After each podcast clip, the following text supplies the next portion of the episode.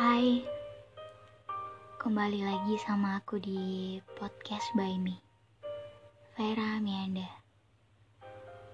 Di podcast kedua kali ini aku bakal kasih judul Dari awal kita sudah salah.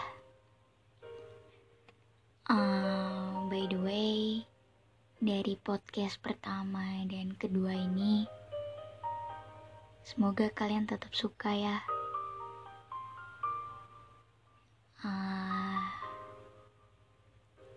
Daripada kalian lama, aku langsung masuk ke inti pembahasannya ya. Hari ini aku bakal cerita ke kalian, curhat ke kalian. Kalau beberapa bulan yang lalu, aku baru aja ketemu sama laki-laki. He's amazing for me. Uh, tahu nggak sih kalau mata dia tuh coklat lucu banget, sumpah. Dia juga nggak yang cakep-cakep banget gitu, biasa aja cuman akhirnya kita jatuh cinta dan lagi lagi dan lagi keluargaku tetap nggak suka dengan hubungan ini mereka tetap sama aja kayak yang kemarin-kemarin juga begitu tapi aku tetap bersikeras meyakinkan semua orang bahwa dia baik dia laki-laki baik dia persis seperti apa yang aku butuhkan. Dia selalu menghormatiku apa pun yang aku lakukan. Bahkan, dia juga tidak pernah merasa aku kurang atau lebih untuknya. Aku juga selalu cukup dan aku bahagia bersamanya. Dia mengajarkan aku lembut, bukan membentak aku keras. Dia juga selalu merangkulku, bukan malah memukul. Aku pun juga begitu. um, di sini aku mengartikan memukul bukan memukul tentang fisik doang ya. Karena menurut aku memukul itu dalam banyak arti gitu bisa juga dengan memukul dengan kata-kata atau cacian. Itu juga termasuk memukul sih kalau menurut aku. Uh, awalnya dia selalu menjadi sangat menghargai semua tentang aku.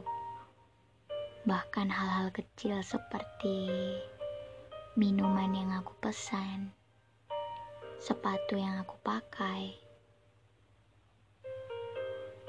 atau cara berpakaianku. Bahkan kelakuan gilaku ya, dia selalu menghargai tentang itu. Aku pun juga begitu. Aku amat sangat menghargai apa pun yang dia lakukan, termasuk hal-hal menyebalkan dia. Dan aku pikir Aku selalu membuatnya jatuh cinta padaku berkali-kali. Memang kayak gitu ya, manusia suka kepedean kadang-kadang. Tapi nggak apa-apa.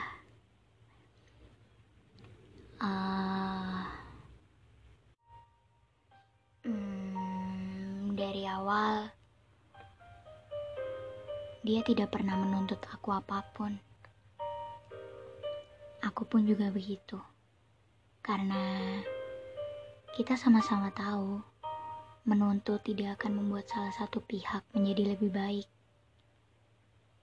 Kita selalu menjalani apa yang ada. Aku juga sama sekali tidak pernah meminta dia selalu ada untuk aku. Selalu ada menemaniku belanja atau telepon sampai larut malam. Tidak pernah. Kamu pun juga begitu. Karena kita tahu bahwa kita punya kehidupan masing-masing. gak harus hidup dengan ketergantungan satu sama lain kayak gitu. Karena gak harus hidup dia semuanya tentang aku, dan begitu pun dengan aku. Semua hidupku bukan melulu tentang dia. Karena kita juga tahu bahwa hal-hal seperti itu gak akan pernah membuat salah satu pihak terasa nyaman. Bener gak sih? Atau cuman aku doang yang mikir kayak gini ya? Aku dan dia bukan tipikal orang yang terlalu memperdebatkan beberapa lama kita chattingan dalam sehari atau berapa sering kita berbincang. Jadi, kita chat atau teleponan itu ya kalau ada waktu aja. Bisa dibilang jauh dari kata sering ya. Bahkan uh, kita juga jarang banget ketemu. Tapi aku sempat mikir kalau cuman aku yang uh, menyempatkan waktu buat dia, tapi tidak dengan dia. Tapi sekali lagi, aku tetap mengerti. Mungkin beberapa dari kalian pasti mikir ya, kok aneh ya pacaran gak pernah ketemu, kok aneh ya pacaran gak pernah chattingan atau teleponan. Uh, di sini sekali lagi aku tekankan dalam segala hal atau segala kemungkinan terburuk sekalipun, aku tetap mencintainya. Dia selalu memberi aku kebebasan, sangat-sangat memberi aku kebebasan. Bermain dengan siapa pun, melakukan hal-hal apa pun yang aku suka. Bahkan berlibur dengan teman-temanku. Dia selalu membebaskan aku dalam banyak hal. Dia juga nggak pernah membatasi pertemanan aku. Aku pun juga begitu. Dia bebas melakukan hal apa pun yang dia ingin lakukan. Dan hal apa pun yang ingin dia gapai. Aku selalu membebaskan semuanya. Namun, tidak lama setelah itu dia berubah.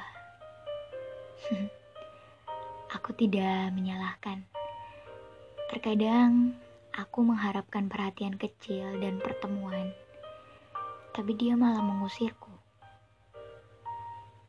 Tapi aku tetap berpikir apa pun yang dia lakukan itu karena dia mencintaiku. Sampai akhirnya aku sadar bahwa dari awal kita sudah salah kita berdua tidak pernah mencintai dengan benar. Hmm, kita sama sekali tidak pernah mencintai dengan benar. Kita bahkan tidak pernah sibuk memper memperdulikan satu sama lain. Kayak contohnya hal-hal kecil deh, kayak warna kesukaan, hobi, makanan yang kamu suka, makanan yang aku suka. Aku tidak pernah tahu, dan kamu pun juga begitu. Kamu bahkan tidak pernah tahu makanan yang aku suka, atau hal-hal ya, hal-hal lain yang aku suka.